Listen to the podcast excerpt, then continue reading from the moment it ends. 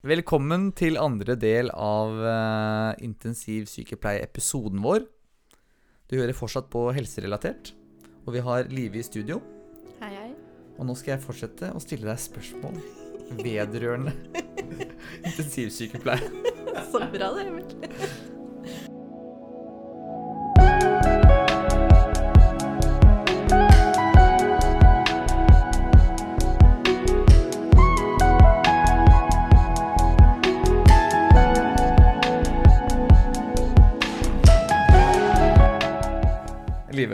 Vi var jo litt inne på dette her med at det er ganske emosjonelt tungt å være intensivsykepleier. Eller det kan være det, hvis man legger for mye Eller hvis man, hvis man involverer seg for mye, da. Mm. Med andre ord, det er ikke for alle. Det er ikke for alle. Nei. Eh, det er også ganske prosedyretungt, ikke sant? Ja.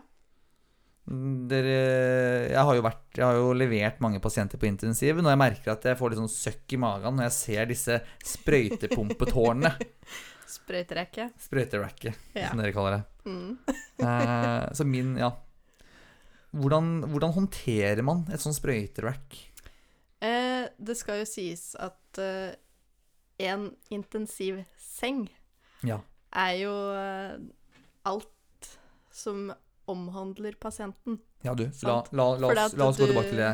De har snakket veldig mye om hva er en intensivseng i, eh, i media, og man tenker kanskje ok, det er en seng med fjernkontroll, så du kan stille inn og du kan legge sjokkleie og sånn, men Og det er jo også en intensivseng. ja, men det handler ikke bare om senga. Det handler Nei. om intensivsykepleieren Mm. og fortelle om dette ja. greiene rundt. Fordi eh, det er jo alt det du trenger for å kunne behandle pasienten, er intensivsenga. Det er intensivsykepleieren, eller sykepleieren på intensivavdelinga. Det er eh, kirurgen, anestesilegen, eventuelt fysioterapeuten, og det er alt det medisinsk-tekniske utstyret. Ja. Så egentlig alt som er involvert i behandlinga av pasienten, er intensivsenga. Ja, ikke sant? Ja. Så det er, det, er, det er ikke bare den senga. Det er, ikke bare den intensivsenga. senga.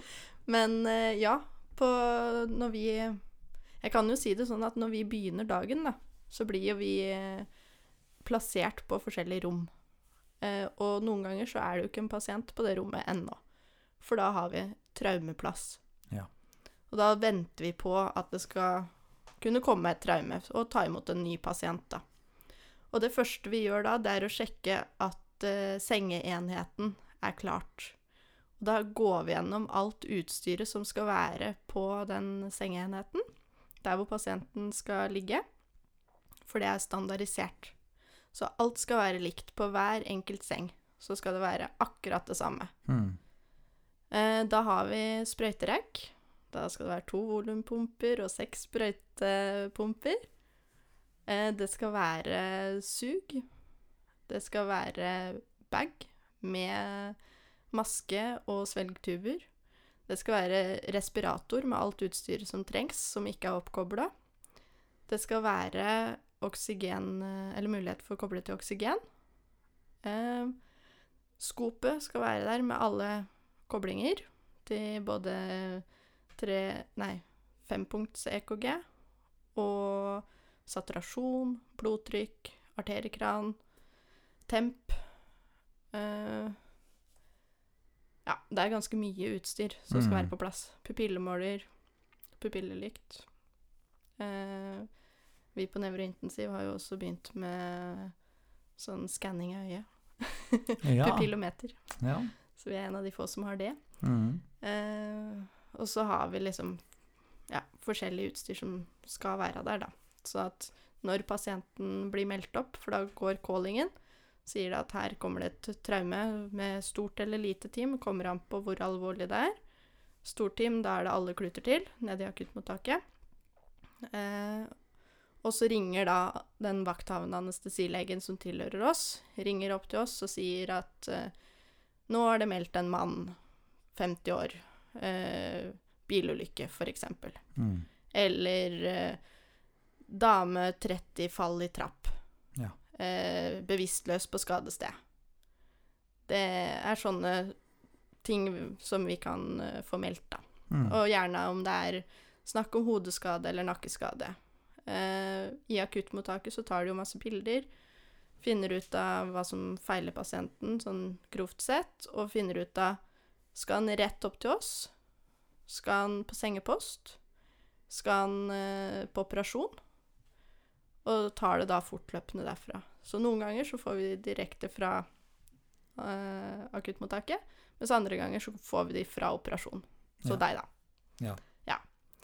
Så uansett så kommer da senga med pasienten opp. Vi får rapport av først operasjonssykepleier hvis den har vært på operasjon, og deretter anestesisykepleier og eventuelt anestesilege. Mm. Og da får vi Vitalia på pasienten. Vi følger noe som heter ISPAR, Mm. eh, som da er en standardisert måte å gi rapport på. Som gjør at eh, det skal være mindre sjanse for å miste viktig informasjon. Ja, det er jo veldig smart. En sånn eh, pasientsikkerhetstiltak der. Ja. Og da tar du gjerne for deg ABC på pasienten. Mm. Og skademekanisme, litt bakgrunn. Ja. Så da er det gjerne sånn mann i 50-åra, fall i trapp, eh, bevisstløs på skadested, én dilatert pupille, eh, GCS eh, åtte. Beklager alle, alle, alle som hører på denne podkasten og ikke er sykepleiere eller Ja. inne i helsevesenet, men eh, det er, det er intensivsykepleie er komplisert. Det er, Det er mye, det er mye greier. Ja. Så, men det du egentlig sier her, det er hvordan pasienten har det. Ja. Hvordan pasienten var når den ble funnet, og hvordan pasienten er, eller var, når den kom til eh, sykehuset. Mm. Og sier litt hvordan pasienten er nå når den kommer til oss. Sånn at vi forbereder oss på det. Vi har gjort i stand medisiner som trenger, og er klart til å kjøre i gang, rett og slett. Mm. Noen trenger rask behandling, at vi jobber veldig fort. Eh, Da rekker man kanskje ikke å ha så veldig mye rapport, og må ta rapporten fortløpende over senga. Det er jo anestesisykepleieren som skal koble opp pasienten på alt av utstyr, Ja. eh, sånn at eh, den som har ansvaret for pasienten av intensiv, de skal kunne stå ved fotenden av senga og kunne ta imot rapport Ja. uforstyrra. Mm. Eh, og da får du også et overblikk. Du kan se på skopet, du kan se er det noen eh, eh, forstyrrelser på blodtrykk, eh, EKG, noe sånt som du må ta tak i med en gang. Og du kan se litt hvilke type utstyr er det som kobles opp, hvilke type medisiner er det som kobles opp, og hvordan ser pasienten ut. Mm. Og etter du har fått den rapporten du skal ha, så vil du gjerne ha litt overblikk. Ja. Da går jeg bort til pasienten, og hvis den ikke da er våken, hvis den ligger på respirator og ligger i koma, eh, hvor de da eh, Vi pleier å si at det er en sedert pasient. Mm. Det vil da egentlig bare si at vi gir medisiner for at pasienten skal sove, Mm. så at den tolererer å ligge på respirator. Ja. Eh, og da tar jeg rett og slett og begynner med ABC. Har en strukturert måte å gå gjennom pasienten på for å få et overblikk. Og det viktigste da er airways, breathing, circulation. Mm. Og siden jeg da jobber på nevrointensiv, så har vi også en pupillesjekk. Ja. Nevrologi. ja, fordi de sier noe om hva som foregår oppi hodet. Ja. Med eventuelle trykkforskjeller. Fordi det man er redd for, er liksom hernering, er det det? Eller en Ja. blødning oppi hodet? Ja. Og hernering er da Da blir det et økt trykk i hodet. Mm. Eh, og siden eh, hodet er en lukka boks, så er det en liten mulighet for at den brøddeigen kan få gjære, hvis man kan si det sånn. Ja, Eh, sånn kan man si. Jeg har aldri, hørt det sånn, men ja. Ja. Så, Nei, men, så, da, eh, så ved hernering, så det som skjer da, er at da blir rett og slett hjernen trykka ned i hjernestammen, er det det? Ja. Eller sånn, ja, nedover, nedover bak. For, for, forklar. Eh, Sånne primitive skikkelser. ja, hjernen er jo befinner seg da i en lukka boks. Mm. Eh, den har noen hulrom eh, innimellom som er ventriklene. Eh, og det er cerebrospinalvæske som flyter rundt eh, inni rundt hodet og inni hjernen. For at det liksom skal bli sirkulert og sånt, blant annet. Og det er mye som skjer som jeg ikke skal gå inn på nå. Ja, ja, nei, vi bare, vi bare gjør det veldig enkelt. Eh, når det skjer et traume som f.eks. at du detter og slår hodet, får en hjernerystelse, så er det et lite traume, mens når du da får en ordentlig hjerneblødning pga. et slag i hodet eller fall eller sånn, så har du da blod som tar opp plassen der hvor hjernen egentlig skulle være. Mm. Og siden det da er en lukka boks, så har ikke det blodet noe sted å sildre ut. Ja, så den Det- skviser sammen så den skviser sammen hjernen. Ja. Og så i tillegg så skjer det da en sånn prosess som gjør at hjernen sveller. Det er akkurat som når du vrikker foten, så hovner du opp. Mm. Og det samme skjer i hjernen. Og det å ta plass. Mm. Og da er det gjerne Vi pleier å si at dag tre, det er en sånn ustabil dag. Da kan gjerne pasienten være ganske sånn ustabil i parameterne sine, for da er den hevelsen eh, på noe av det høyeste, da. Ja. Det er på det verste der. Mm. Så dag, eh, tror jeg dag tre og dag sju er sånne spesielle dager hvor de kan bli ganske dårlige. Hvor du virkelig må jobbe på for å holde pasienten i live, rett og slett. Ja, Har dere det sånn da at iblant så kommer kirurgene om å åpne opp og. Vi passer jo hele tida på at uh, pasienten puster, ja. at den har frie luftveier, at uh, den er i live. Siden vi jobber med hodet, så skal det være et visst uh, blodtrykk Mm. for å kunne opprettholde sirkulasjonen opp til hodet. Så da går vi etter noe som heter MAP, middelarterietrykk. Mm. Så det jobber vi mye med. Og CPP, som da er cerebroperfusjonstrykk, som da er trykket i hodet, ICP, minus mappen, som er middelarterietrykket, eller blodtrykket, eh, som da blir CPP. Som er da sirkulasjonen opp til hodet. Ja. ja. Den jobber vi etter. Ja. ja. Så den skal være over 60. ja, og hvis den er helt opphørt, så blir det da organdonor. For Så det vil man i hvert fall unngå. det, Eller det går ikke det, Vi lar det ikke gå så langt, Nei. for å si det sånn. Nei, da blir det angio full pakke. Aldri sett uh, CPP på null. Nei, Det blir vel angio sånn hvis man kommer helt dit. Nei, eller det er litt andre Det ser ikke helt sånn ut. Nei, nei. Så Man vil aldri da- få null.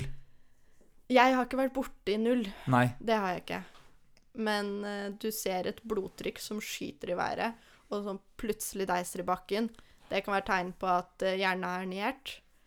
Tamponert. Eh, du kan jo si sånn Og her nede, det er en reversibel prosess.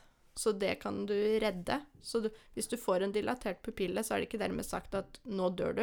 Nei. Men hvis det ikke blir gjort noe med det, da dør du. Men kan man reversere det medikamentelt, eller må det være at man kommer og driller hull i huet? Nå sitter jeg her og gnir meg i hendene. Nei da.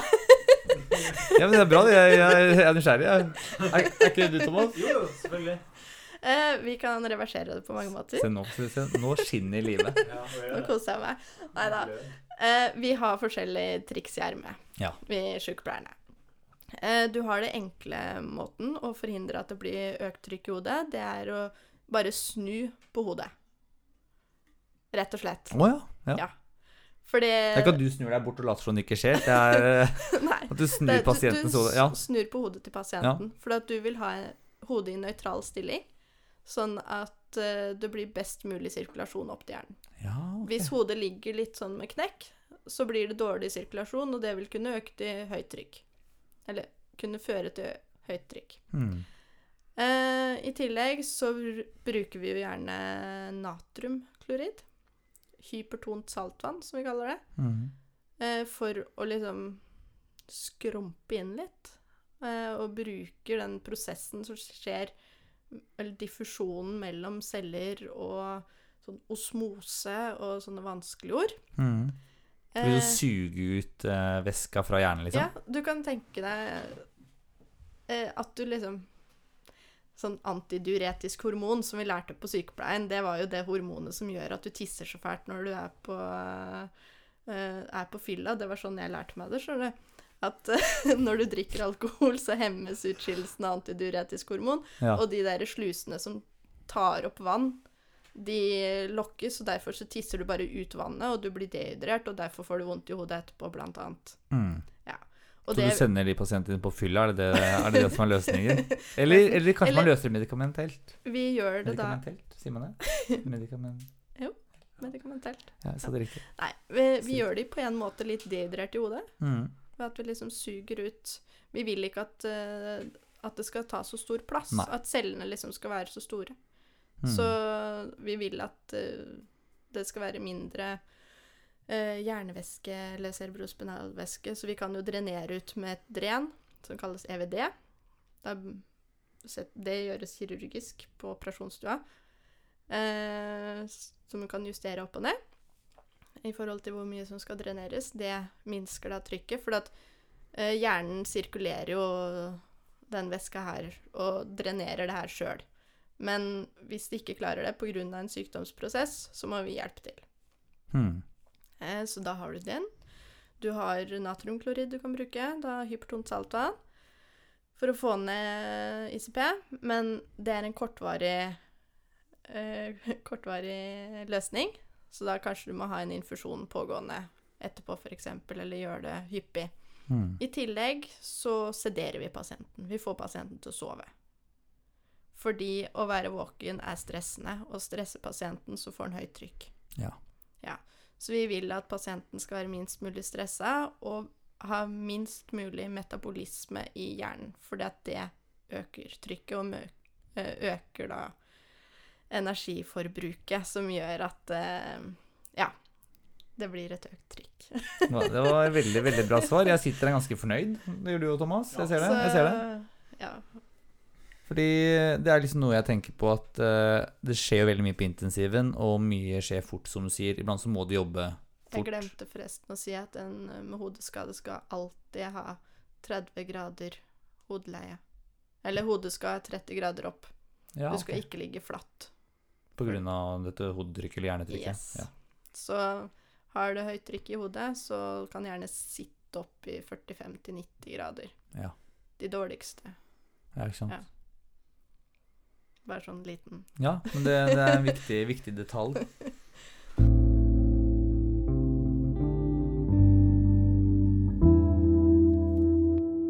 Hva slags muligheter har man som intensivsykepleier? Du har jo vært litt borti det. Ulike avdelinger man kan jobbe på. Og du har så mange muligheter. Åh, nå gleder jeg meg til å høre. Nei da. Nei, men det, det som er så fint med intensivsykepleie, det er det at du faktisk kan jobbe overalt. Ja. Så du Det er ikke så mange nødvendigvis som tenker over det. Det er som anestesisykepleie. Egentlig de fleste steder som anestesisykepleieren kan jobbe, kan også en intensivsykepleier jobbe. operasjonssykepleierne. De følger liksom med hverandre, de tre, ikke sant? Ja. Ja. Må, Nei, ikke, må, men, må ikke eh, glemme operasjonssykepleier. Det er sånn typisk feil. Men det er greit, Liv. Jeg, jeg, jeg, jeg, jeg er klar å skyte inn her nå, så da fortsetter du bare. Ja. Nei, eh, det har seg sånn at eh, som anestesisykepleier som Jeg tror ikke Thomas nevnte det, men anestesisykepleieren kan jobbe på intensiv. Ja. Ja. Mm. Men intensivsykepleieren kan ikke nødvendigvis jobbe på operasjon, som en anestesisykepleier gjør. Nei. For der er det litt sånn forskjell i forhold til at vi, vi er med på intubasjoner, vi òg, på intensiv. Mm. Men vi er ikke nødvendigvis de som intuberer. Nei. For det kan noen anestesisykepleiere gjøre, har jeg skjønt. At de kan få lov til. Sammen med legen, vel å merke. Ja. Eh, Men på intensiv så er det i hovedsak sykepleier Nei, legen. Nå holdt jeg på å si sykepleier. Eh, legen som intuberer. Ja. Ja. Men vi kan jobbe på oljeplattform. Ja. Ja. Eh, Vi kan jobbe i militæret.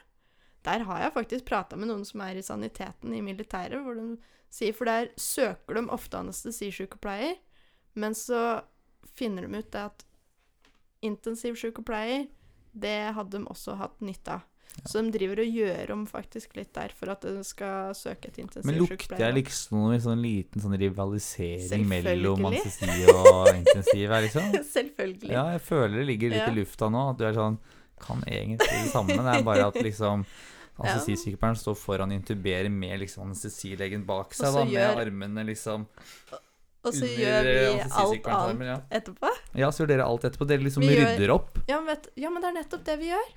Vi, ta, vi har pasienten i, gjerne i forkant. Her satt liksom. Thomas og snakka med A-laget inne på stua, ikke sant? Og så er det egentlig A-laget venter på intensiven. Vi, Er det, så, er, er, det, er det det du sier? Ja. Nei, jeg sier så der at vi har bretta opp arma, og vi er klare til å ta imot og fullføre det dere har påbegynt. Ja. Rett og slett. Ja. Vi tar over. Vi Dere gjør en veldig bra jobb Så for alle, alle, alle dere som vurderer eh, om dere enten skal bli anestesi eller anestesi, så absolutt bli anestesi, så slipper dere å, å rydde opp etter middagen. Så, Men det som er så spennende med intensiv, da, Emil, ja, det er jo det at eh, du faktisk får følge en pasient. ja, Han får faktisk litt kontinuitet. Ja, og du kan se at tiltaka du setter i gang, funker. Ja, I motsetning til anestesi. Ja. Det er gøy. Mm. Når du faktisk ser at her er det et eller annet som skurrer, og du tar tak i det, Ja. og du ser at her har du effekt. Ja. Jeg, pasienten, ble frisk. Eller wow, pasienten ble kvitt respiratoren. Eller sånn en som du Jeg hadde en episode hvor eh, pasienten var kjempedårlig. Hadde vært utsatt for en bilulykke. Trodde nesten ikke at pasienten kom til å overleve. Var redd for Og nå bruker jeg et ord som vi absolutt ikke skal bruke Mm. på avdelinga vår, det er ordet grønnsak. Det er et Ja. veldig dårlig Vegetativ tilstand, Ja. liksom. Man sier ikke det. Nei, vi sier ikke det. Det er fy-fy å si. Ja. Men vi var veldig redd for at den pasienten skulle være det. At den ikke skulle ha noe motorikk og ikke reagere på noen ting. Nei. Eh, vi jobber på, vi jobber på, jobber på en hel uke. Eh, og så hadde jeg hatt én dag fri. Kommer på jobb igjen og er hos den pasienten og ser Oi, han begynner å våkne. Og da er du spent. Hvordan er det her? Og han skal kobles av respiratoren, for de trener jo hele tida, sjøl om pasienten ikke er ordentlig til stede sånn mentalt. Så trener vi jo på at den skal komme bort fra respiratoren Mm. puste selv. Eh, så får han gjort det her. Og vi mobiliserer det også opp på sengekant og sånn. Selv om det ikke hjelper til den sjøl. Det høres kanskje rart ut, Ja. men ja. Det Eh, da holder vi jo hodet og støtter i ryggen, og, selv om de ikke har noe tonus. Eh, får du opp på sengekanten. Og så Den pasienten her satte seg opp, og, eller ved hjelp av oss, da. Så ser han bilder av seg sjøl på veggen, som vi har fått pårørende til å ta med. da. Mm. Og så peker han, og så sier han Oi, der var jeg rar. Og så tar jeg og sykepleieren og ser på hverandre. Vi bare Oi, hva var det her for noe? Og så får vi lagt pasienten tilbake igjen i seng, da. Og så sier vi at Ja, veit du Veit du hvor du er hen? Så sier han ja. Jeg gjør det. Og så sier han tusen takk. Tusen takk for all hjelp. Da holdt jeg på å begynne å grine. Ja, det, det skjønner jeg. Og det, det var en sånn Du trodde vedkommende kom til å dø, og Ja. så sitter han der og faktisk takker deg for at du har vært der, og har hjerten, og du visste jo ikke at den fikk med seg noen ting. Nei, ikke sant. Fordi når du sier eh, at pasienten ikke hadde noen, hadde noen eh, tonus, så sier du at egentlig pasienten er helt slapp. ikke sant? Så når du setter den opp på tenkekanten, så setter du egentlig opp en slapp kropp som du tenker, hvor du ikke tenker det er noe aktivitet oppi hodet. Mm. Ja, det, det er stort, altså. Sånne Og helt sånn innelukka. Og du har ikke fått noen verbal respons tidligere. Nei. Og så plutselig så sier han 'tusen takk'. Ja.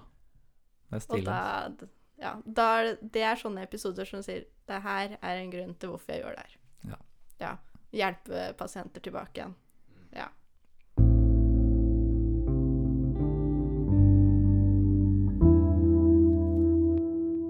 Jeg tenker vi går litt videre. Hvis du liksom skal forklare da på et par minutter hvordan For jeg vet at det her kan man jo Det er jo veldig avansert, og det er veldig mange detaljer man kan ta med. Hvis du bare skal si sånn Hvis du skal si sånn litt sånn kort fortalt, da.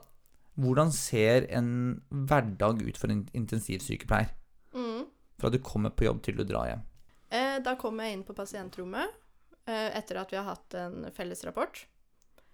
Eh, og så får jeg rapport av sykepleieren som har vært der på natta. Hvis jeg kommer på dagvakt, da, vil jeg merke. Em, og da får jeg høre hva som er aktuelt. Siden jeg da har vært der dagen før, så trenger jeg ikke få vite hele historien. For da veit jeg jo allerede litt fra før av. Men hvis ikke, så får jeg da bakgrunnshistorien også. Får jeg vite hva som er aktuelt fra natta. Eh, og så tar jeg og går gjennom hvilke medisiner Eller vi sjekker medisiner. Dobbeltsjekker alt. Så at øh, hvis det mangles en dobbeltsignatur, så kan vi føre på den før nattvakta går. Ja. Hvis ikke så må vi kaste medikamentet. Mm, Ja, det er mm. ganske strengt. Eh, så vi dobbeltkontrollerer alt sånn. Eh, og så tar jeg og sjekker pasienten. Tar den A til Å. Eller ikke A til Å, da, men A til E. Topp til tå. Eh, sjekker liksom hvordan er ståa her nå. Og så Mm. går gjennom hvilke medisiner skal pasienten ha. Sender en handleliste til en som da er løs, som skal hjelpe meg i løpet av dagen. Mm. Når du sier løs, mener du da en Det er, vi pleier å kalle det for løs, og det er rett og slett en sykepleier som ikke har pasient den Ja. dagen. mm. Den skal da serve de som har pasient. Så da hjelper den kanskje mellom to rom, eller ja, to til fire pasienter, da. Ja. Så hjelper til med snuinger, hjelper til med å hente medisiner, sånne ting. Mm. Hente forskjellige ting. For du, du kan ikke gå fra pasienten som ligger i senga. Så trenger du pause, så må du avløses. Ja. Så da er det egentlig bare å se er det noen behov som må øh, gjøres noe med med en gang, så må du gjøre det. Hvis ikke så følger du på en måte en vanlig dag i form av at du må ta et morgenstell, ta og mobilisere, ja, finne ut av hva er planen for i dag, og ha legevisitt med legen. Greit å da finne ut i forkant hva er det du har lyst til å ta opp med legen. Er pasienten veldig dårlig? Er det noe du må ta opp med en gang? Så da må du jo calle på legen istedenfor å vente på legevisitten. Mm. Um, kommer gjerne fysioterapeuten. Kanskje kommer også ergoterapeuten inn hvis det er uh, tidlig rehab-team som kommer. Det er på hodeskadene. Ja, Eh, det er ganske tverrfaglig. ja, vi jobber veldig tverrfaglig, og det er veldig gøy. mm. Så vi ser mye forskjellig sånn sett. Og så er det kanskje forskjellige prosedyrer som skal gjøres, da. Noen skal ha bronkoskopi, skal kanskje legge inn en PEG.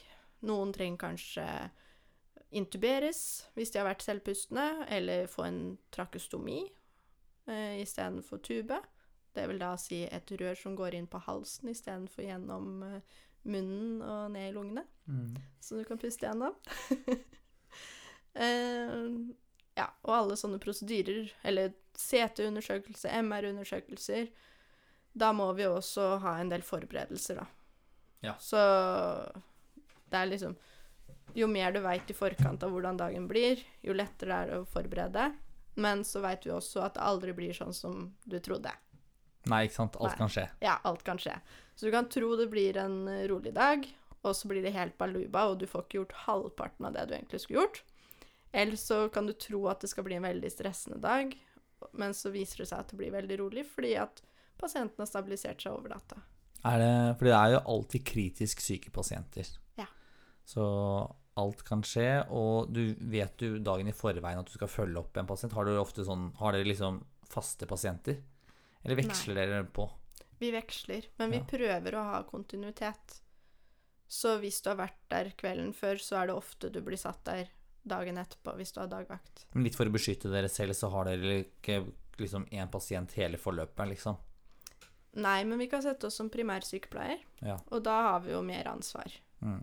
Vi skriver også dagbok Ja. til pasienten, si, tar bilder og skriver til pasienten hva som har skjedd, og litt hva alt utstyret er, eh, og hva som har skjedd de forskjellige dagene og sånt, sånn at den kan få et lite innblikk av det, for den husker jo ingenting. Nei, er det spesielt for der du jobber nå? Fordi det, det gjelder ikke alle intensivposter, det. Eh, Eller hadde du det, Thomas? Hadde sykepleiernotat eh, Ja, men Det- ikke dagbok. Ikke dagbok, det kommer vel an på avdeling til avdeling om de har implementert det. Ja. For det er eh, Jeg tror det muligens skal lages en prosedyre på det. det. Fagsykepleieren vår skriver doktorgrad om det nå, tror jeg. Ja, Eller i hvert fall gå videre fra mastergraden sin. ja stilig. Så det er flere, eller flere intensivavdelinger som skriver dagbok, men jeg vet ikke hvor mange og hvor flinke de er på det. Nei. Fordi Av og til så sklir det ut. Ja, ja, det har Så, mye å ja. gjøre. Så dagboka er kanskje nederst på denne prioriteringslista. Ja. Men det er noen som er veldig flinke, da, og det er veldig bra. Mm. Så er flinke til å skrive det, og skrive resymé og ja, for de som har ligget der lenge. For det er varierende hvor lenge de ligger der. Det var en, var en veldig god forklaring, syns jeg, Livet. Er det noe er det, Men liksom Når du da drar da, på slutten av dagvakta, da, da gir du rapport videre til kveldsvakta. Da gir jeg rapport videre til kveldsvakta. Er det sånn iblant at du må være en Er det overtid, eller er det ganske greit yrke med tanke på at det er lite overtid? Du liksom du gir rapport, og så kan du dra hjem. Som regel så kan jeg dra hjem. Ja. Men eh, jeg hadde jo vakt nå i helga, Mm. hvor jeg gikk en time overtid etter nattevakt. Ja, det er sjeldent. Det er sjeldent. Men eh, da ble pasienten akutt dårlig, og måtte på en akutt setetur da midt i vaktskiftet. Og da tenkte jeg jeg kjenner pasienten. De som kom på vakt, kjente ikke pasienten, så da tenkte jeg da blir jeg med. Ja. Så, og da kunne jeg gi fortløpende informasjon til de andre partene som var med under situasjonen. Ja, ikke sant. Eh, og da ble det også bestemt at vedkommende skulle intuberes da, så fort den kom opp på avdelinga igjen. Mm. Så da kunne jeg gå når de skulle begynne med det, for da hadde de nok personell til det. Ja, pasienter eh, tar ikke alltid hensyn til disse vaktskiftene. Nei, det pleier Spesielt ofte å skje i eh, vaktskiftene. Spesielt ikke intensivpasienter, kanskje. De, de, de, de lever sitt eget liv, Ja. bokstavelig talt. Det pleier ofte å skje når det ikke burde skje. Ja. Det er liksom akkurat i de tidspunktene som du egentlig ikke har tid til at det skal skje noe akutt, det er da det skjer noe akutt. Ja, Ikke sant. Så da må du bare kaste alt annet du har i hendene, og handle. Ja. Men da, Mm. nå har jo Apropos måte intensivsykepleierhverdagen, da. Mm. Den har jo blitt endra nå betraktelig, kanskje, etter denne unntakstilstanden som ble erklært for om lag fire uker siden. Mm. Eh, hvordan, eh, nå har jo måte intensivsykepleiere har jo virkelig blitt liksom løfta frem som Eller intensivsykepleie, da. Har blitt Mm. løfta som, frem som det mest kritiske i denne situasjonen. Fordi eh, covid-19 er jo et luftveisvirus. Eh, og kan føre da til lungesvikt eller at man trenger respirator, ikke sant. Mm. Og da trenger man disse intensivsengene, og man trenger da alt som følger med det. Ja. Og da er bl.a. intensivsykepleier en særdeles viktig del av denne intensivsengen. Absolutt. Hvordan merker du det her på Ullevål? Har du, Det merkes. har du følt det på kroppen? Om, om jeg har. Nei da. Eh, det er kanskje litt feil å le, men eh, ja. Det er en veldig rar stemning nå. Men det har normalisert seg litt. Fordi nå blir man litt mer vant til det. Man får satt i gang tiltak. Nå er det jo gul beredskap på sykehuset. Eh, som gjør da at eh, vi må bemanne opp for å kunne ha muligheten til å ta inn de pasientene som trengs, da. Eh, og de driver og bygger om avdelinger. Det har vi også sett på i media. Mm. Eh, og bygger om intensiv. Så PO, postoperativen, har blitt gjort om Eller deler av postoperativen har blitt gjort om til sånn kohortavdeling, som da kan ta mange covid-pasienter. Mm. Eh, Hjerte-PO har også blitt bygd om. Eh, Avdelinga mi har også blitt bygd om nå, og Ja. den uka her. Fordi dere har vanligvis ikke Vi har pasienter med vanligvis luftveisproblemer på den måten. Mm. Men eh, Så vi har da bygd om, og jeg tror, tror det ble åpna denne uka her. Men det er ikke dermed sagt at vi har pasienter der. Nei, for Men dere der- har ikke hatt koronapasienter enda hos dere, ikke sant? Ikke på Nei. Nei. Så nå har vi bare Det at jeg sier at vi har åpna, det er da at nå er det klart sånn at vi kan ta imot pasientene hvis det er behov. Men det som har skjedd, er jo at eh, vår, eller min avdeling, har blitt slått sammen med generell intensiv for å da bedre bemanningssituasjonen. Og i tillegg så har vi serva PO med bemanning i eh, kohorten, da. Der hvor eh, det har vært covid-pasienter. Mm. Så da må man kle seg med smitteutstyr. Og du ser eh, de ansatte kommer etter en dag der nede og har fine merker over både nesa og kinn etter stramme masker og Ja, det Man må beskytte seg rett og slett mot smitteutstyret også. Ja. Og for ellers så risikerer vi faktisk å få trykksår i ansiktet pga. disse maskene. Mm. Føler du deg selv sånn personlig føler du deg utsatt? Eh, om jeg føler meg utrygg? Ja, ja, Eller- ja, liksom utsatt for smitte, da. Ja. Eh, jeg tenker sånn På intensiv så behandler vi alle pasienter som eh, kontaktsmitte. Ja. Så jeg er veldig vant til det der at du skal ha hansker, du skal bruke munnbind, du skal bruke stellefrakt når du er nær pasienten. Mm. Jeg er også vant med at eh, er det annen type smitte, så blir det gjerne forsterka kontaktsmitte, at vi kanskje bruker visir eller briller, eh, og eventuelt hette. Mm. Så det som er nytt nå, er jo at vi skal ha doble hansker, vi skal ha åndedrettsvern, og det er veldig spesiell stemning, rett og slett, fordi at vi veit så lite om covid fra før av. Ja. At det er, Mm. det er en ny sjukdom. Ja. ja. Så jeg tror det er mye det som gjør at det blir skummelt, Mm. som at vi må kle oss opp. Men som en kollega av meg sa, at eh, hun følte seg ganske trygg nede på uh, kohorten, fordi hun hadde jo på seg alt utstyret som skulle sikre at eh, hun ikke ble smitta.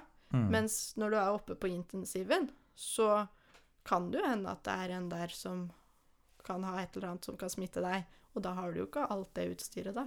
Nei, men Det synes jeg er et veldig bra poeng. Du er jo egentlig utsatt for smitte hver dag, eller potensiell smitte. Absolutt. Eh, men bare det, Og det skal sies da at eh, alle pasienter som legges på respirator, har en betydelig stor sjanse for å pådra seg eh, en eh, VAP, en eh, lungebetennelse pga. respiratoren. Ja. Så, som Thomas også var inne på eh, på anestesipodden, Mm. så er det jo det der hvis du aspirerer magesyre, f.eks. en sånn der kjemisk Ja, lungebetennelse? den, lungebetennelse. ja. Og når det er et traume, ikke sant, så de fleste der har jo ikke fasta før de detter og slår seg. Nei, nei. Nei. ja, men er du ute på byen, ikke sant, så har du ikke fasta. Nei. Så da Ikke er det badedrukket vann. Nei, du har, Nei. du har ikke det. Nei. Så det- det er veldig mange som eh, pådrar seg en sånn lungebetennelse, pluss at du må intubere tidlig. Og da Mm. blir det litt andre forhold enn på en operasjonsstue hvor alt er lagt til rette for at det skal være så skånsomt som mulig. Ja, ikke sant. Så det er veldig mange som har mange rare bakterier nede i luftveiene som eh, hostes ut. Som vi må beskytte oss for. Nei, men det, det høres veldig bra ut, det her livet. Du OS gjør eh, Eller medarbeiderne føler seg eh, ikke Eller du føler deg ikke mer utsatt Eller du er ikke mer liksom, redd for din egen helse nå enn før. Nei. Jeg er, jeg er mer redd for det når jeg sitter på T-banen, Ja, faktisk. Ja. Det- ja, men det skjønner jeg. Ja. Men eh, på T-banen, hvordan er ståa der? Jeg har ikke tatt T-bane på lenge selv. Er det, er det bra plass? Bra med plass? Eh, På den T-banen jeg tar, så pleier vi å få en sittgruppe hver. Ja. Men når jeg skulle hit nå, så valgte jeg å stå. Ja. Og da fikk du stå alene. Nja, vi valgte oss et hjørne hver. Ja. ja de som sto der. Ja. Så det var mer folksomt på denne banen, har jeg sett. Ja, det bor så mange folk ute her, ute. Ja. Fins det. Så nei, ja. Det var ikke, det var ikke ironisk, Thomas. Men uh, vi har jo Vi sendte jo ut uh, vi, vi, vi la ut en historie da om at vi ville ha spørsmål til denne episoden. Mhm. Vi fikk egentlig ikke så mye spørsmål, men vi fikk folk som sa at de syntes det var veldig bra at vi skulle ha, ha om intensivsykepleier, fordi folk er interessert i det nå. ja. Vi fikk bl.a. en melding av noen som sa at dette var bra, fordi de står mellom anestesi og intensiv. Mhm. Og det er bra at vi da har en episode om anestesi og en om intensiv, så kan de høre disse episodene og ta en avgjørelse. Kan de være med i avgjørelsen. Så ikke noe press der, livet. Jeg kan jo si da at intensiv er jo veldig kult. Ja. Og at du får delta veldig mye i behandlinga av pasienten. Legen hører veldig mye på hva du observerer, for det er du som kommer da med eh, fasiten om hvordan pasienten er, til legen. For legen er der inne i fem minutter, kanskje. Mm. Sånn satt på spissen. Og det er på grunnlag av dine observasjoner at legen må ta en beslutning for hva som skal gjøres. Ja. Så du føler at du virkelig gjør en jobb for pasienten. Ja. Og du føler at du ja, redder liv, kan jeg si det. Ja, du kan si det. Du, du må ikke være så ydmyk. Eh, Thomas Bøe var ikke ydmyk. Eh, saken om denne anestesi-sykepleierepisoden ble lagt ut på Man kan bli sykepleier, og da var det en som kommenterte Litt uheldig at han sier A-laget så mye, kanskje. Det var det en som kommenterte. Han var fysioterapeut. han var Og likte ikke dette snakket om A-laget. Men eh, jeg syns vi kan være litt sånn Ikke høye på oss sjøl, men vi kan, man Mm. kan jo si at man gjør en viktig jobb, og det gjør jo du, Live. Ja, men jeg kjenner Jeg er stolt av å være sykepleier. Ja. Og jeg er stolt av å jobbe der jeg jobber. Mm. Og jeg er stolt av å jobbe der hvor jeg har jobba før.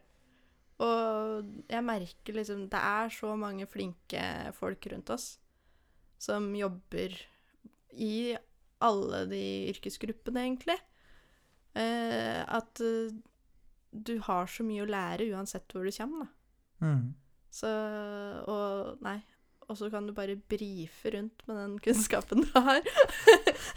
og virke som at du er en, uh, en supermann ute på tur i trikoten sin, men eh, Og så er det ikke så mange som veit akkurat hva du driver med, og så når du forteller det, så bare sier de Wow. Er det det Ja. du gjør? Så får de sånn rart uttrykk i ansiktet, så Nei, men du, Ja. Live. Mm. Da har vi faktisk noen spørsmål, da. Det er noen spørsmål Ja, som oi. ikke bare Ja. Ja, kjør på. Isabel Danielsen spør Har du noen tanker rundt dette med sånn risikotillegg. Både til vanlig og nå ved eh, korona. Det her er jo et veldig ømfintlig spørsmål, kan man si. Og det er jo veldig i vinden nå, Ja, innad i miljøet. innad i miljøet. Fordi eh, det er jo kjent at uh, mange syns at sykepleiere tjener for lite. Mm. Og jeg er en av dem. Jeg syns at uh, sykepleiere skulle tjent mye mer. Det Og jeg tror det er et kvinnedominert yrke. Og jeg tror vi har vært for dårlige til å stå på kravene våre og bare si at vi vil faktisk ha høyere lønn. Eh, jeg tror også at Eller det vises jo at menn er flinkere til å be om lønnsforhøyelse enn det kvinner er. Eh, så jeg tror også det er noe. Eh, og så en setning som jeg rett og slett hater å høre, Ja. som jeg får støtt og stadig, det er den derre at du får betaling i himmelen. Ikke skriv eh, Ikke send det som melding til livet på Instagram. Nei, for det, det er sånn u... Jeg føler innimellom at det Nå bruker jeg litt stygge ord her, men at jeg jobber ræva av meg. Mm. Eh, og står på og gjør det jeg kan for at vedkommende skal leve. Ja, overleve det liksom? Ja. ja. Og så får du da en ussel lønning, da. Mm. Og det er Ja, jeg får en bra lønning nå, men det er kun fordi at jeg jobber mye, og jeg jobber ugunstig. jobber ekstra. Jeg jobber sant? ekstra. Så du får overtidsbetaling. Og jeg jobber Ja. mye kveld, jeg jobber mye natt, kun for å få de ekstra pengene som Eller tillegga. Mm. Og det jeg syns er veldig trist, er jo det at vi jobber helg og jul, Mm. nyttår, påske. Jeg husker ikke sist jeg hadde en hel uke med påskeferie. Nei. Eller fikk en hel juleferie. Så jeg skulle ønske at det er noe som kunne blitt endra eh, seinere, da. At man kanskje kunne fått til at man har en hel uke fri. At man For ja, man må jo bemanne opp, men eh, At man legger opp til at det blir litt bedre rullering på Ja, hvert tredje tredje år, for eksempel, da. At du, Ja. sånn som når det er hver tredje helg, ikke sant, så har du hvert tredje år at du får den uka fri, for eksempel. Mm.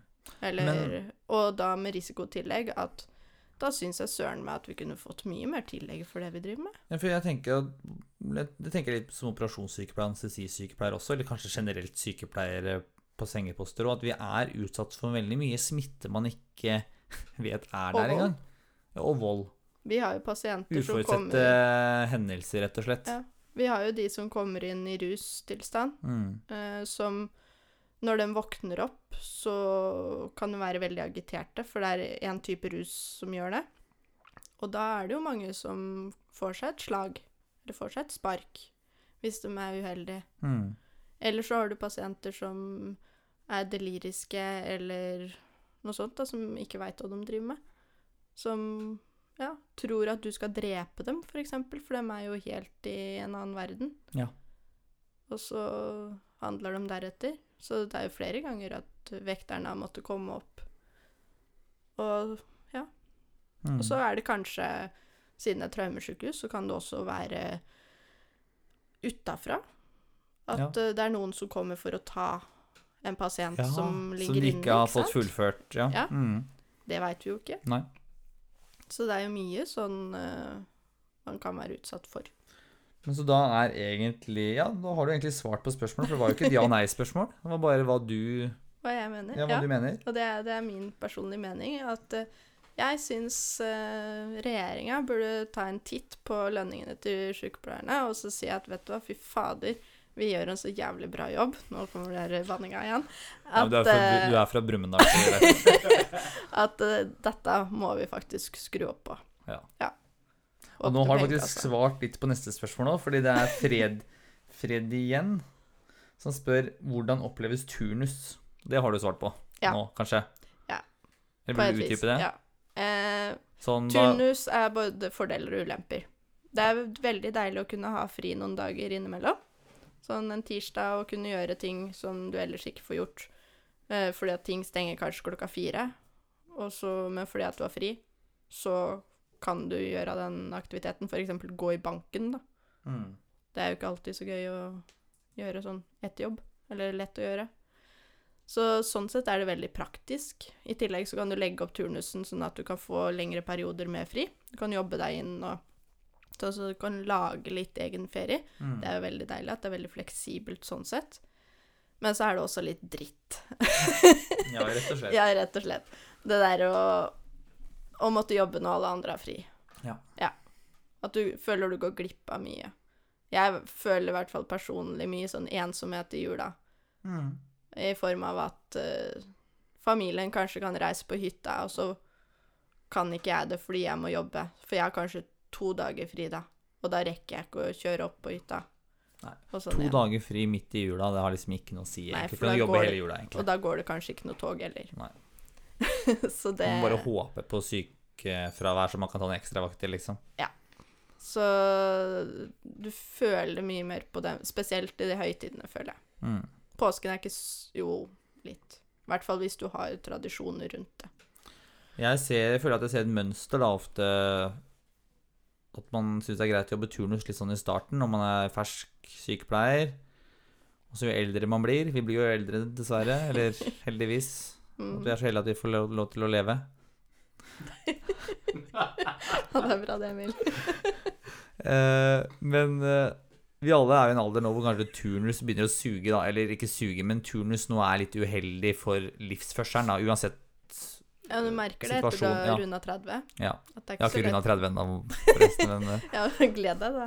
Nei, du har kanskje slutta med nattevakter, du, Emil. ja, jeg jobber dagvakt. Ja, ja men Dagvakter. eh, jeg kan si sånn etter, etter jeg runda 30, Ja. da var det ikke like enkelt med nattevakter. Nei, og det er, det er det jeg sier, liksom at Sånn sett så er kanskje Akkurat der så er intensivsykepleier kanskje ikke det beste valget for alle, da. Fordi det er kanskje dårligere mulighet for å kunne jobbe dagstillinger. Ja, hvis ikke du jobber på dagkirurgen. Godt poeng, godt poeng. Mm. Vi har en kollega som begynte med den. Ja. Er det andre steder man kan jobbe rene dagstillinger? Vet du det? Nei, jeg kommer egentlig på dagkirurgen, i hvert fall Ja. hvis du skal ha noe sånn intensiv. For sånn poliklinikk og sånt, det er jo mer eh, da Ja. Tenker Jeg tror intensivsykepleieren på Aleris også, de jobber vel med skift, fordi pasientene drar jo, drar jo ikke før de er, har i hvert fall ligget et par, eh, Timer. par timer, eller Mm. Så nei. Så det er vel kanskje det eneste minus da, i her, Men noen elsker jo turnus. Mm. Ja. Og Nei, jeg kan veit om mange som seg syns det er helt fantastisk. Jeg også elsker egentlig turnus. Ja. Men man kan ikke få i pose og sekk, da. Altså, jeg òg syns det er veldig deilig med turnus innimellom, Mm. men uh, ja. Jeg skulle ønske jeg kunne hatt litt mer døgnrytme. Ja, men det, det merker Det- jeg det selv. savner Liksom, at når du kom, går fra turnus til uh, kun åtte til eller halv åtte til halv fire, så får du en helt annen sånn rytme i hverdagen. Mm.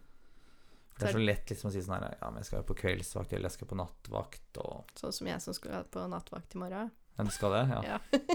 så derfor sleit jeg litt med å stå opp i dag. Ikke sant? Ja. Nei. Men uh, han spør også, da, et spørsmål til her. Mm. Hva syns du Liker du Det har, har du egentlig svart på, men liker du at du er alene med pasienten? Hermetegn. Eh, Du er jo ikke alene, du har jo kollegaene dine rundt deg, og du har Mm. legene og sånn, men du er mye alene med pasienten inne på rommet. Ja.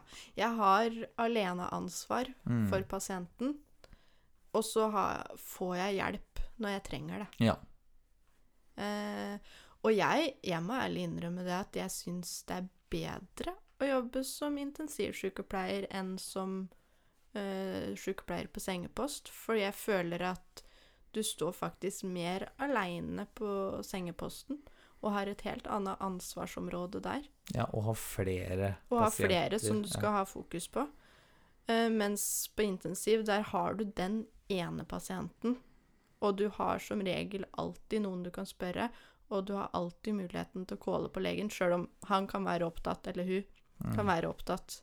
Men uh, det er alltid noen i nærheten som har uh, Eller som kan hjelpe deg. Du kan stille et spørsmål, og veit de ikke svaret, så veit de ikke, men da søker vi det opp. Ja. Uh, alle er liksom higer etter kunnskap, og det er det som er så gøy, at alle er så interessert i å lære mer. Så hvis det er noe som er vanskelig, så søker vi etter å finne ut hvorfor det er sånn. Ja. Eh, og så blir du selvstendig, du ja, blir strukturert. Du får et bra klinisk blikk, som er veldig viktig. Du får en magefølelse, som du forhåpentligvis stoler på hvis den er god. Ja. så nei eh, Jeg, jeg syns det er kjempebra jeg, å jobbe som intensivsykepleier. Fikk litt lyst til å bli intensivsykepleier selv, jeg. Ja. Du og Thomas, skal vi, skal vi bli intensivsykepleiere? Kan jo komme og hospitere. Ja, men kan vi jobbe sammen, jeg og Thomas, eller? I team? Sånn to, to, to på én? Ja. Det er Ja, sånn men- en package deal.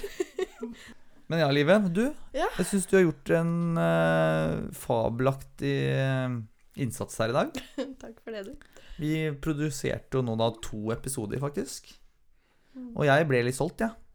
Så bra. Er det, jeg vet ikke om det er det noe vits i en slags oppsummering her, Thomas? Synes? Nei, jeg syns det er bra. jeg. Jeg Ja. kan si intensivsykepleie er kult. Kom til oss. Ja.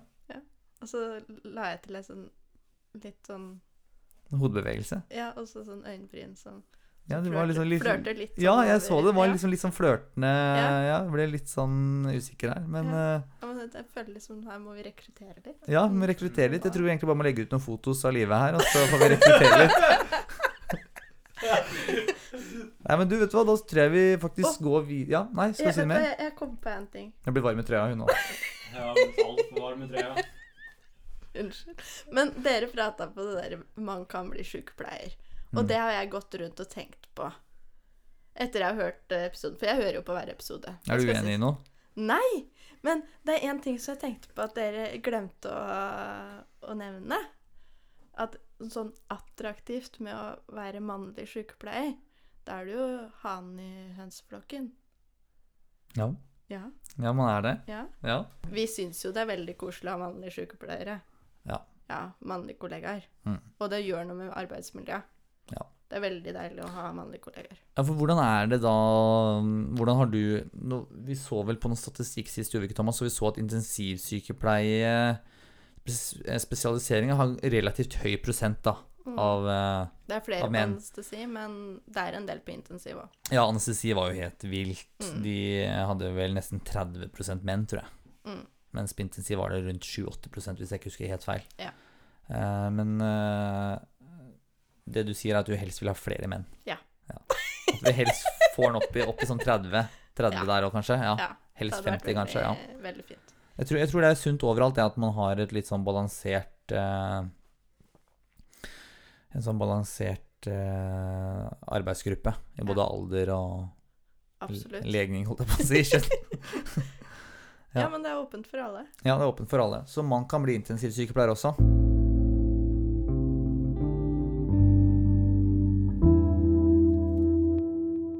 Ok, Emil. Da har livet satt seg på sidelinja. Ja. Jeg og du har nemlig et oppdrag, og det er å bli forelska. Ja, og mens vi holder på å bli forelska her, så driver Live og jobber hardt nå på Bare sitt eget sin. kjærlighetsliv. Men eh, Emil, jeg stiller deg spørsmålet med en gang, jeg. Ja.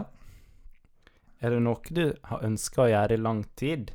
Hvorfor har du ikke gjort det? Ja, det er jo det å så endelig komme ut av skapet, da.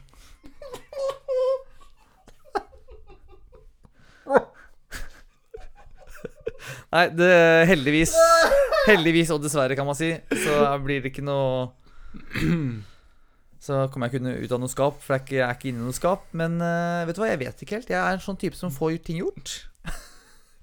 Kan man si det? Åh, du klarer liksom å være så klysete og sjarmerende på en gang. Det er bare du som klarer det, var jeg, var, jeg, var jeg det nå? Ja, du klarer liksom å komme unna med ting som andre hadde bare ikke kommet unna med. Ja. Det er et eller annet med måten du sier det på. Men du må jo ha en eller annen ting. Større biceps, et eller annet. Et eller annet overfladisk, skjønner jeg rett? Oi, oi. Er vi, er vi der, Thomas? Du skyter fra hofta nå? Ja, jeg er i godt humør dag. Ja. Og da skal du trykke meg ned? Hæ? Reise jorda rundt. Ja. Reise jorda rundt, Nei, jeg er ikke opptatt av det. Jeg er mer opptatt av klima. Jeg er sånn ganske klimabevisst type. Ja, ja, det mm, OK. Men, eh, men eh, sånn Det er ikke noe spesielt, ass. For Du har jo snakka om sang, da, ganske mange ganger nå. Det er tydeligvis at det sitter langt inne. Hvis du har hørt etter, ikke bare tenkt på hva du selv sier, så har jeg sagt ganske tydelig at jeg har såpass god selvinnsikt og hatt fått ganske klare beskjeder av min mor på at ikke jeg kan synge. Ja, det veit jeg. Så jeg ser at jeg ikke har noe talent innenfor musikk eller sang. Mhm. Så jeg Det er ikke vits i å Det er ikke noe du ønsker deg? Nei, men jeg har ikke tenkt på det lenge, at det her skal jeg få gjort. Nei, OK. For det er ikke noe å jobbe videre med. Det Aha. er liksom Hvis du har én arm, hvorfor skal du bli god til å sjonglere da? ikke sant? Skjønner du hva jeg mener? Nei, det går hvis du har et handikap. Det er jo litt samme som meg, da. Hvorfor skal jeg drive med Du kan sjonglere med en hånd, det var et dårlig eksempel. Ja, ja for så Men ja, Men jeg skjønner hva du mener. Ja. Men du snakker jo om både femårs- og tiårsplan. Noe av det må jo gå an å pakke inn i det spørsmålet her, da. ok, Hva var spørsmålet en gang til? Er det noe du har ønska å gjort i lang tid, og hvorfor har du ikke gjort det? Nå myser det som om at hjernen virkelig jobber. Ingen hernering der Nei, inne. det er jo litt sånn Aff. Aff. Hva skal jeg si, da? Jeg har liksom ikke noe sånt som stikker opp meg tang, liksom. Nei. Hva er det man kunne stå på hendene, liksom? Nei, det blir for dumt. Men hva skulle det vært? Da har du ingenting. Har du noe? Ja, masse, jeg. Jeg er en mann med drømmer, jeg.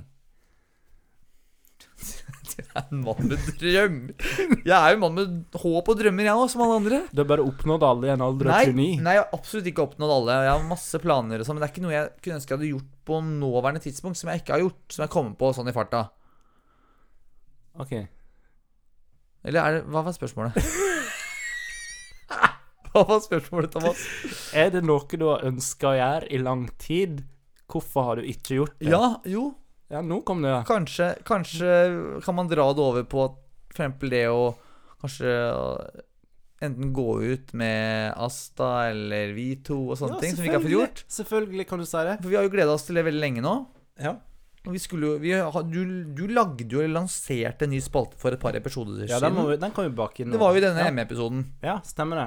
eh, med Asta, hvor du da lanserte denne da foran min eh, frue, min kone, Ja. og sa at nå skal vi rampe opp dette øh, forelskelsesprosjektet. ja. Ikke bare skal vi ha 36 spørsmål, men vi skal også ha en egen Månedlig. Ja, en egen spalte måte, hvor vi to skal finne på ting sammen. Ja. Oss to. En romantisk gest, gå Ja. på date eller gjøre et eller annet. Ja. Og så kom jo covid og, og la en demper på det. ja.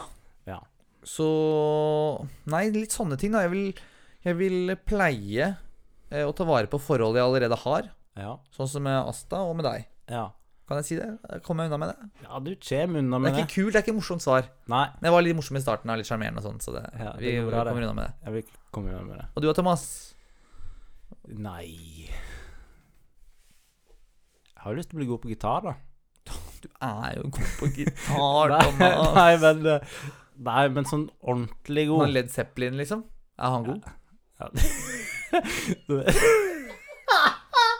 Da er jo ikke det personer. Nei, det er et band. Ja. Faen, det jeg så Og du kødder ikke heller, vet du. Nei, men sånn Frank Zappa, liksom. Nei, Er han men sånn- god? Er han god?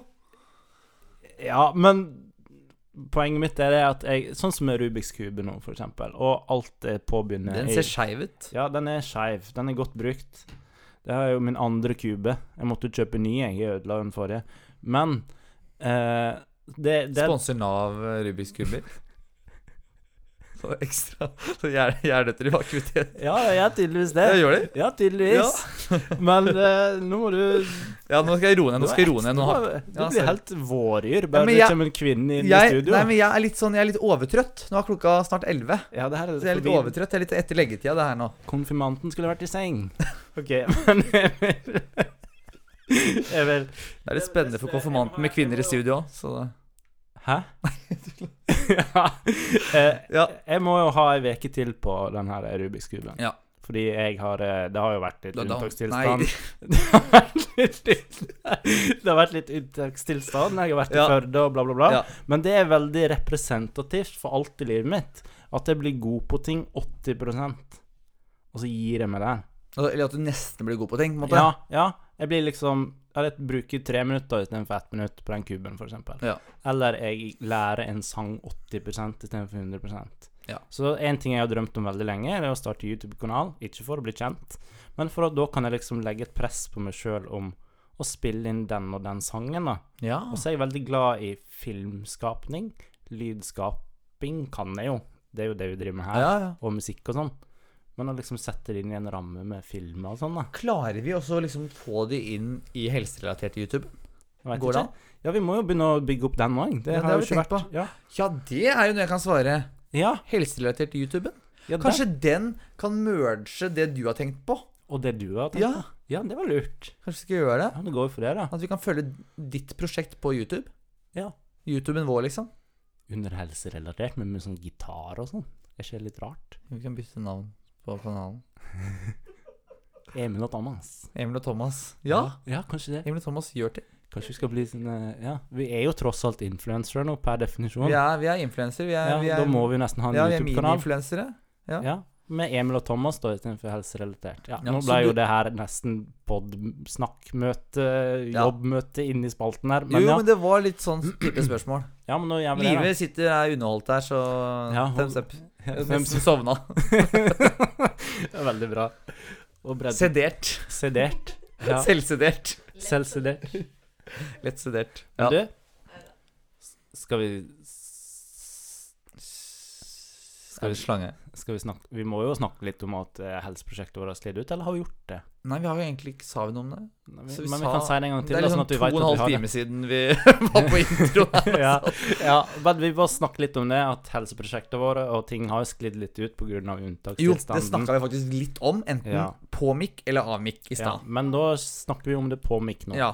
Om at det har sklidd litt ut. Jeg kan komme med litt sjølskryt om at det å gå tur, det har blitt en vane for meg. Jeg går 6000 skritt hver dag, og det er jo på grunn av den podden her, da. litt av, livet. Livet. Ikke vær så, ikke vær så på klapperne. Så det, men det er jo faktisk ganske stort, da. Ja, jeg, jeg er helt enig. En Jeg, jeg, jeg får snap av deg hele tida du er ute og går. Ja, jeg er ute og går hele tida. Jeg er kanskje like ofte ute og går, men jeg må det, på en måte. På grunn av at du har to barna som du sammenligner med hunder Nei, tidligere. ja, barna mine Ja. vil ut, og jeg vil ut. Ja, men vi går, men vi går jo ikke på langt nær like mange skritt som deg. Nei, jeg går jo for å gå skritt, liksom. Ja? Men vi, Ja. vi, liksom, vi leker ute. Men det at du kommer deg ut sånn, det er jeg veldig Ja. stolt over. Ja, er du kan jo sitte hjemme og slappe av. Jeg kan det. Jeg kan sitte og spille PlayStation, jeg. Men det kan ikke jeg. Ja, men jeg blir litt dritlei, og så ser jeg liksom hvor fint det begynner å bli vår, da. Det er jo lett å gå ut. Men eh, de andre prosjektene våre, sånn som deg og bygge kropp og sånn, det har jo Plutselig ble jo ting stengt. Ja, jeg har, jeg har trent annenhver dag. Ja. Eh, styrketrening. ja. Så jeg har trent kondisjon ved siden av. Men det blir liksom Det ble ikke den store bulken som du kanskje Det ble liksom ikke det samme. Nei. Vi skulle jo nå i april måle oss. Ja, det skulle vi. Fordi vi begynte jo å trene i oktober. Ja. Eh, Ikke måle høyden, men måle diverse kroppsdeler. Og se om vi har vokst. Ja, ja og da Nå, det, her, det, her, det, her, det her blir for mye for livet. Ja, nå ble livet vårer. Ja, OK. Eh, men det som var greia, var at eh, vi begynte å trene i oktober. Og jeg tok og målte alle kroppsdeler da. Ja, målte mine gjorde òg. Omkrets Ja. og lengde. ja. Eh, og så ikke, ikke lengde, bare omkrets. da Nå må vi må skjerpe oss her. Eh, målte bare omkrets eh, i oktober. Men så forsvant disse målene. Og det var jo da i oktober jeg tror jeg hadde mest sånn progresjon, på en måte, fordi hu- muskelhukommelsen slo inn litt, da. ja. Fra da vi trente tidligere styrke. Samme Jeg har alltid trent, og det har du også gjort, men vi Mm. har liksom den rene styrketreninga med vektløfting, den har vi egentlig ikke gjort siden vi var 18, Nei. 19, ja, 20, 21. Så det er ganske mange år siden nå. Mm. Eh, Så de første månedene der som vi ikke har mål fra, der tror jeg vi hadde litt progresjon som måtte, var ren muskelhukommelse. Mm. Så vi måtte vekke til live muskulatur vi ikke hadde brukt på den måten før. Ja. Men så tok vi nye mål da i eh, desember-januar, månedsskiftet der. Og da målte jeg deg hjemme i Mm. stua i, Ja, i boksershorts. ja. Og meg selv. Det var jo intimt. Målte, vi målte legger, Ja. lår, ja. eh, Midje. midje, underarmer, overarmer, bryst. Ikke, Ikke, nakke, dessverre. ikke hodet heller. Nei. Men nakke, nakke hadde jeg litt lyst til. Jeg hadde lyst til å trene litt nakke, men jeg slutta å trene nakke. Ja, du trener jo nakken som en egen øvelse. Nei, men jeg har, jeg, jeg har slutta med det nå, for jeg hadde jo ikke noe mål på det. Men, eh, men ja. Ja. Eh, så jeg tok jo nye mål nå. Ja. Eller Asta Ja. tok nye mål av meg. ja. Eh, det holdt nesten på å bli en krangel, fordi hver gang Asta liksom skal gjøre noe, da enten å ta fleksebilder av meg, eller ta Eller måle Eller måle omkretsen på ting, eller av kroppsdeler, så blir det alltid litt dårlig stemning. For jeg blir litt sånn kjeftete når folk skal gjøre tjenester for meg. ja vel? Så det På hvilken måte da? Nei, sånn der, jeg måler ordentlig, og jeg gjør det sånn og sånn, og det ble liksom litt dårlig stemning, så jeg, jeg ble veldig liksom, lei meg over at jeg er sånn, egentlig. Så jeg, må, jeg, må, jeg må skjerpe meg der. Ja. Så neste måleepisode blir hyggeligere for Asta. Ja. Men uh, det ble litt sånn Jeg målte vel da etter lunsj. Men jeg hadde Mm. ikke trent, ikke gjort noe, jeg hadde bare vært inne hele dagen. Så jeg Mm. tror det er godkjente målinger. Ja. Jeg skal ta en kontrollmåling i morgen tidlig, så vi er helt sikre på det her. Men jeg hadde økt en centimeter overalt, inkludert midje. Eh, Så det har jo vært noe progresjon der. ja. Enten jeg, jeg tror det er en kombinasjon av matinntak og styrketrening. ja. Men ikke bare matinntak eller bare Nei. styrketrening. Nei, sant. Jeg har lagt på meg Jeg har gått fra 68 til 73, faktisk. Hva har du gått? Fra 68 kilo til 73. Har du gått opp 6 kilo? Fem. Fem? 68 til 73. Ja, 60 Ja, hallo. God morgen. Ja. God morgen, Norge. Ja, Ja. siden oktober. Gått opp 5 kilo? Man ser det egentlig ikke. Nei. Men uh, Ser litt Jakan, da. Ja, og Jeg har gått ned, jeg, Emil. Hvor mye veier du nå, da? Nei, det er det jeg ikke helt tror på, men jeg veide meg senest for to dager siden. Jeg var 73 kilo. Flex bicepsen din.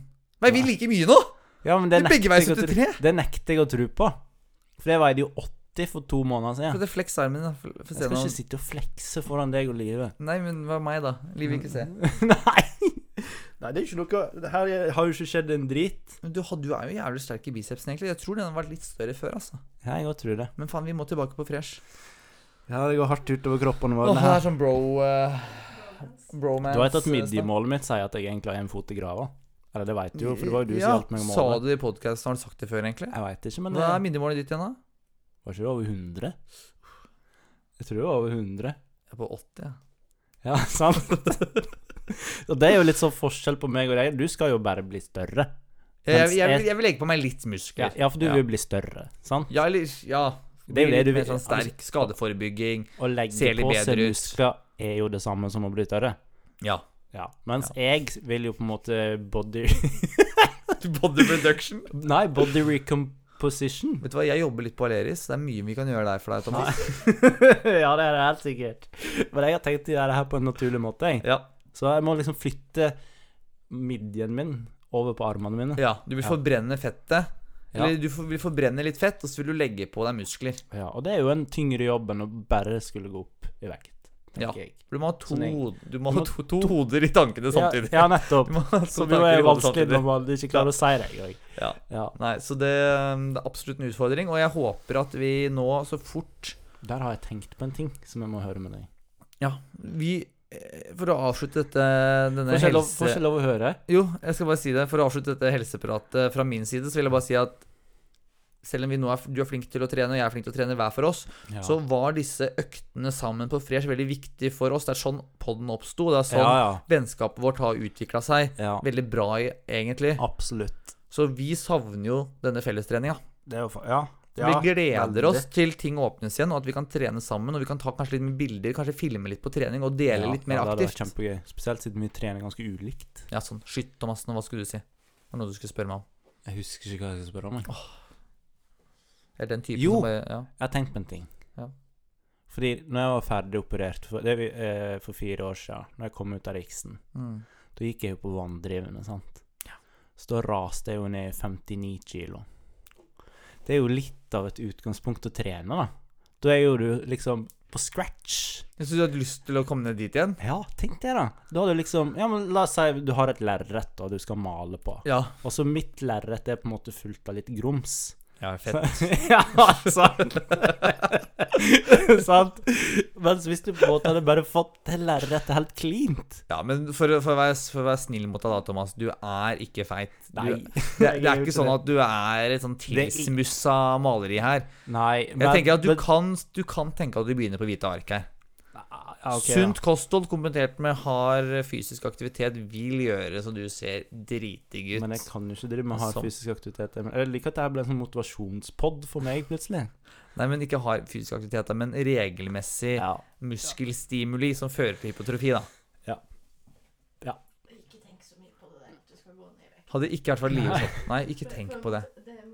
Tenk litt sånn på lytteren nå i forhold til eventuelt noen med spiseforstyrrelser. Ja, det Ja, er sant. ja. Ja, vi For kan alle hende vi dere sløyfer alt det her. Nei, vi tar med, vi tar med det her, men vi, Ja. vi kan jo si noe til slutt, da. at Det viktigste jeg, jeg, Ja, for vi jeg- fleiper jo litt rundt det her, fordi jeg er jo egentlig fornøyd. Men, Og du er jo egentlig Bør i hvert fall være fornøyd. Ja, også vi, Og, vi tenker at det kan være motiverende, og vi vil ikke, vi vil ikke snakke noen ned. nei, på ingen måte. For det er, f- kroppskomplekser er det nok av der ute. Ja, det er det. Det er det absolutt. Jeg la ut et barespiller på min egen profil. Ja.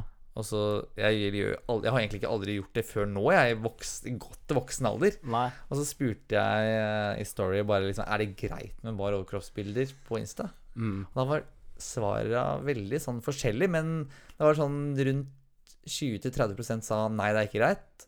Og 70-80 sa nei. Det er ikke greit. Hva så var det jeg sa? Hæ, 30% sa du ikke greit, Nei, og 70 30, sa nei. 30 sa ja, og 70 sa nei. Ja, ok. Ikke skal, skal jeg ta det med nytt? Nei, nei, jeg liker noe rot, jeg. Ok, ja. Så Ja, så, Så- 70% var imot baresbilder, da. Ja, jeg mente at det liksom fører til økt, økt kroppspress. Ja. Men så var det, var det faktisk noen som sendte meg en melding. Eller oss, da. Det var på helserelatert konto. Jeg la ut stories der. Ja. Og denne avstemninga, da. Eh, Og da var det noen som sa at liksom Det burde jo være greit. Tenk hvis bare alle la ut bilder av kroppene sine. ja, uansett kroppsfasong. Ja. Ja. Og det er jo litt sånn, sånn kroppspositivisme der ute, og vi kan snakke masse om det. ja, ja, vi må Men liksom bare det at man liksom hadde sett Fordi det som ofte skjer, er jo de som er litt interessert i trening og føler de ser bra de legger ut bilder. Ja. Og det, og det, og det var også en som skrev at det, man må jo få lov til å være stolt av noe man har jobba med, fordi man blir ikke seende sånn ut gratis heller.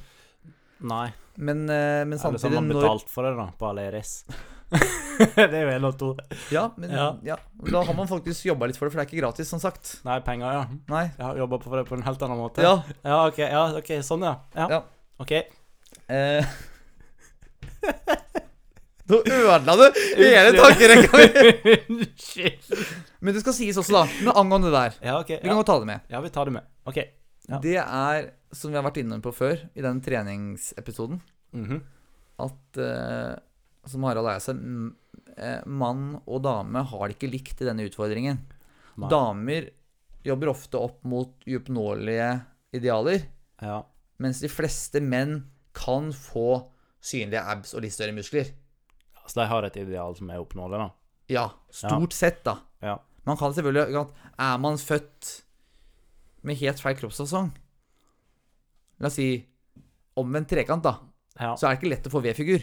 Nei, sant? Så der også så er det jo mange med store utfordringer, og man kan ha sykdommer som også hindrer, hindrer man Hindrer én i å få trent skikkelig. Ja. Men så kvinner har det mye verre der. Og vi skal, vi skal aldri kommentere noen kvinners kropp på denne poden. eller hvordan kvinner skal trene. Du må ja. være klar over, livet, når vi lager en pod med deg. Så handler det egentlig bare om meg og deg. Og vår trening. Nei, på oss. Live kan snakke om trening, men vi skal ikke snakke om Live sin trening. Nei, nei, men når vi snakker om trening, så er det vår egen Ja, trening ja, vi snakker om. ja, veldig bra eh, understreking der. Ja. Klargjøring. Måtte gjøre det to ganger før du skjønte det. Men Ja. ja. Veldig tydelig og bra der, Thomas. Ja, sant. Hver gang vi snakker om våre kroppsprosjekter, eller våre, våre helseprosjekter, Så ja, så er det kun snakk om oss to. ting vi vil forbedre Ja, oss det er ikke sånn at vi mener at alle andre skal hige etter det her. Da har vi avrunda kjærligheten for i dag, da. Det har vi, og snakka litt om helseprosjekter og fremtidige planer. Det har vi. Vi kan også nevne at vi har tenkt å starte to sånne sub-podcaster. Ja, jeg var litt nysgjerrig på om jeg skulle nevne det eller ikke, men Ja. ja, vi har tenkt det. Du kan jo presentere det. Ja, den ene kan jeg presentere. Det, vi skal lage en liten uh, subpod. Jeg og du skal ha vår egen lille sidesak som skal hete 'Alt du kan dø av'. Der skal vi ta for oss ting man kan dø av. Er ikke det det som er planen? Jo, litt sånn spennende ting. Ja, bare finne sånne skikkelig spennende ting. Sånn, Spennende sånn, sånn som at sykdommer. jeg tenker at jeg kan dø av en kvise under nesa, ikke sant? Ja, Og, sant? og så finner vi de, de som faktisk har gjort det. Ja, og så forteller vi om det. Ja. Men vi skal iallfall snakke om ting som er morsomt, da. Ja. Og så er det egentlig bare fordi at jeg og du begynner å bli så glad i å lage pod at vi må liksom lage noen sånne sidesprang, da. Ja, så får vi ikke møttes så mye lenger. Vi Nei. er ikke på trening, og vi får ikke Nei. skravla nok, så vi får skravle litt. Skravle, eh, ja. ja. Skravle litt mer. Ja. Og den andre delen, da, den lagde vi jo nå her pga. på grunn av vår eh, hedersgjest i dag.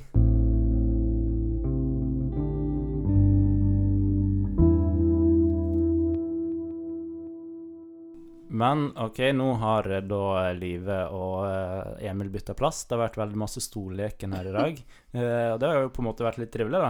Ja, vi Eh, holder avstand. vi holder avstand, vi følger reglene så godt vi kan. Eh, og den andre podden jeg og Emil har tenkt litt på, det har egentlig jeg og Emil snakka om i ganske mange uker. At det vært gøy å snakke om kjærlighet. For det er litt sånn Ja, gøy å høre hva andre har, har å komme med der. Og Emil han er jo konfirmanten, han har vært i et langvarig forhold. Er Han, han er gift. Han, han ha, henger kanskje ikke helt med på det her at man kan på en måte sveipe og sånn, da. Han henger, han henger litt etter, da. Han veit bare om gamlemåten å møte folk på.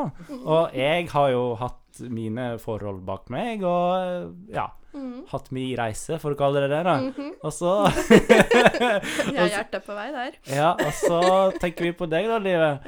At uh, du har jo Vi snakka litt om det her uten mikrofon tidligere. At uh, vi snak, når vi snakka om å ha det her som et tema, som en sånn sidepod, så sa du at ja, jeg vet jo i hvert fall hva man ikke skal gjøre i forhold til det her med eh, ja, nettdating, da. ja. Eller jeg har jo Jeg har jo vært singel en liten stund, da. Det har jeg. Ja. eh, og jeg har vært på noen dates. Ja. Eh, og jeg har jo erfart litt ting som ikke funker, og at man kanskje må kaste seg litt ut i det. Og Ja. det er noe med det å Man får jo ikke en ny mann i postkassa, liksom. Man må jobbe litt Nei, for det. postmannen kommer jo ikke på døra. Nei, dessverre. Så da må man jo ut og Ja. Ikke disponere seg, men Ja, men man må, man må jo ut og Ja. Ja. ja. Ja, men ja. Ja. Man Hva er det det heter? Man kan iallfall ikke sitte hjemme i stua og vente på at mannen skal banke på døra. Nei. Man må ut og sondere terrenget. Nei, jeg vet ikke helt hva du leter Nei, men det der når øh, Hvis det er noen som har angst, som må ut og teste Eller sånn liksom Eksponere seg. Eksponere seg. Det Ja. er det jeg skulle frem til. Ikke disponere seg, men eksponere seg. Man må ut og Eksponere seg. Ja. Så Sånn at det ikke blir skummelt. ja.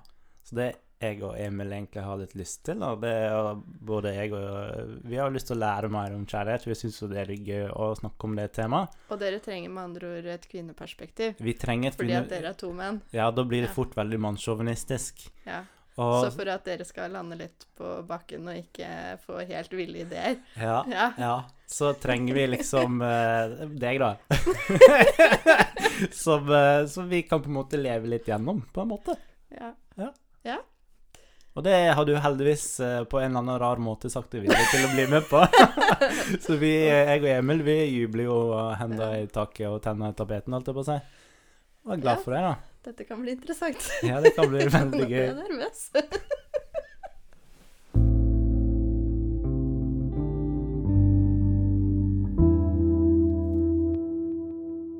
Men livet, Ja, Thomas.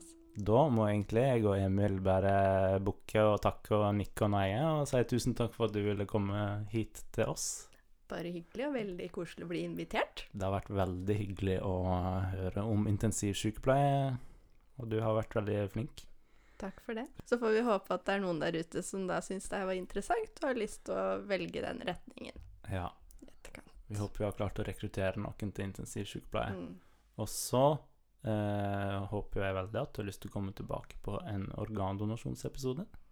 Det kan vi prøve på. Det hadde vært veldig gøy. Og så, eh, utenom det, så gjenstår det vel egentlig bare for meg og Emil, som nå sitter og tekster sikkert med kona og sier 'Jeg blir for sein hjem, unnskyld', eh, at vi må ønske alle våre lyttere god påske. Det er jo påske når denne episoden her kommer ut. Selveste langfredag. Oi. Ja, god Og- påske. God påske. Og så sier vi takk for oss. Ha det, da. Ha det.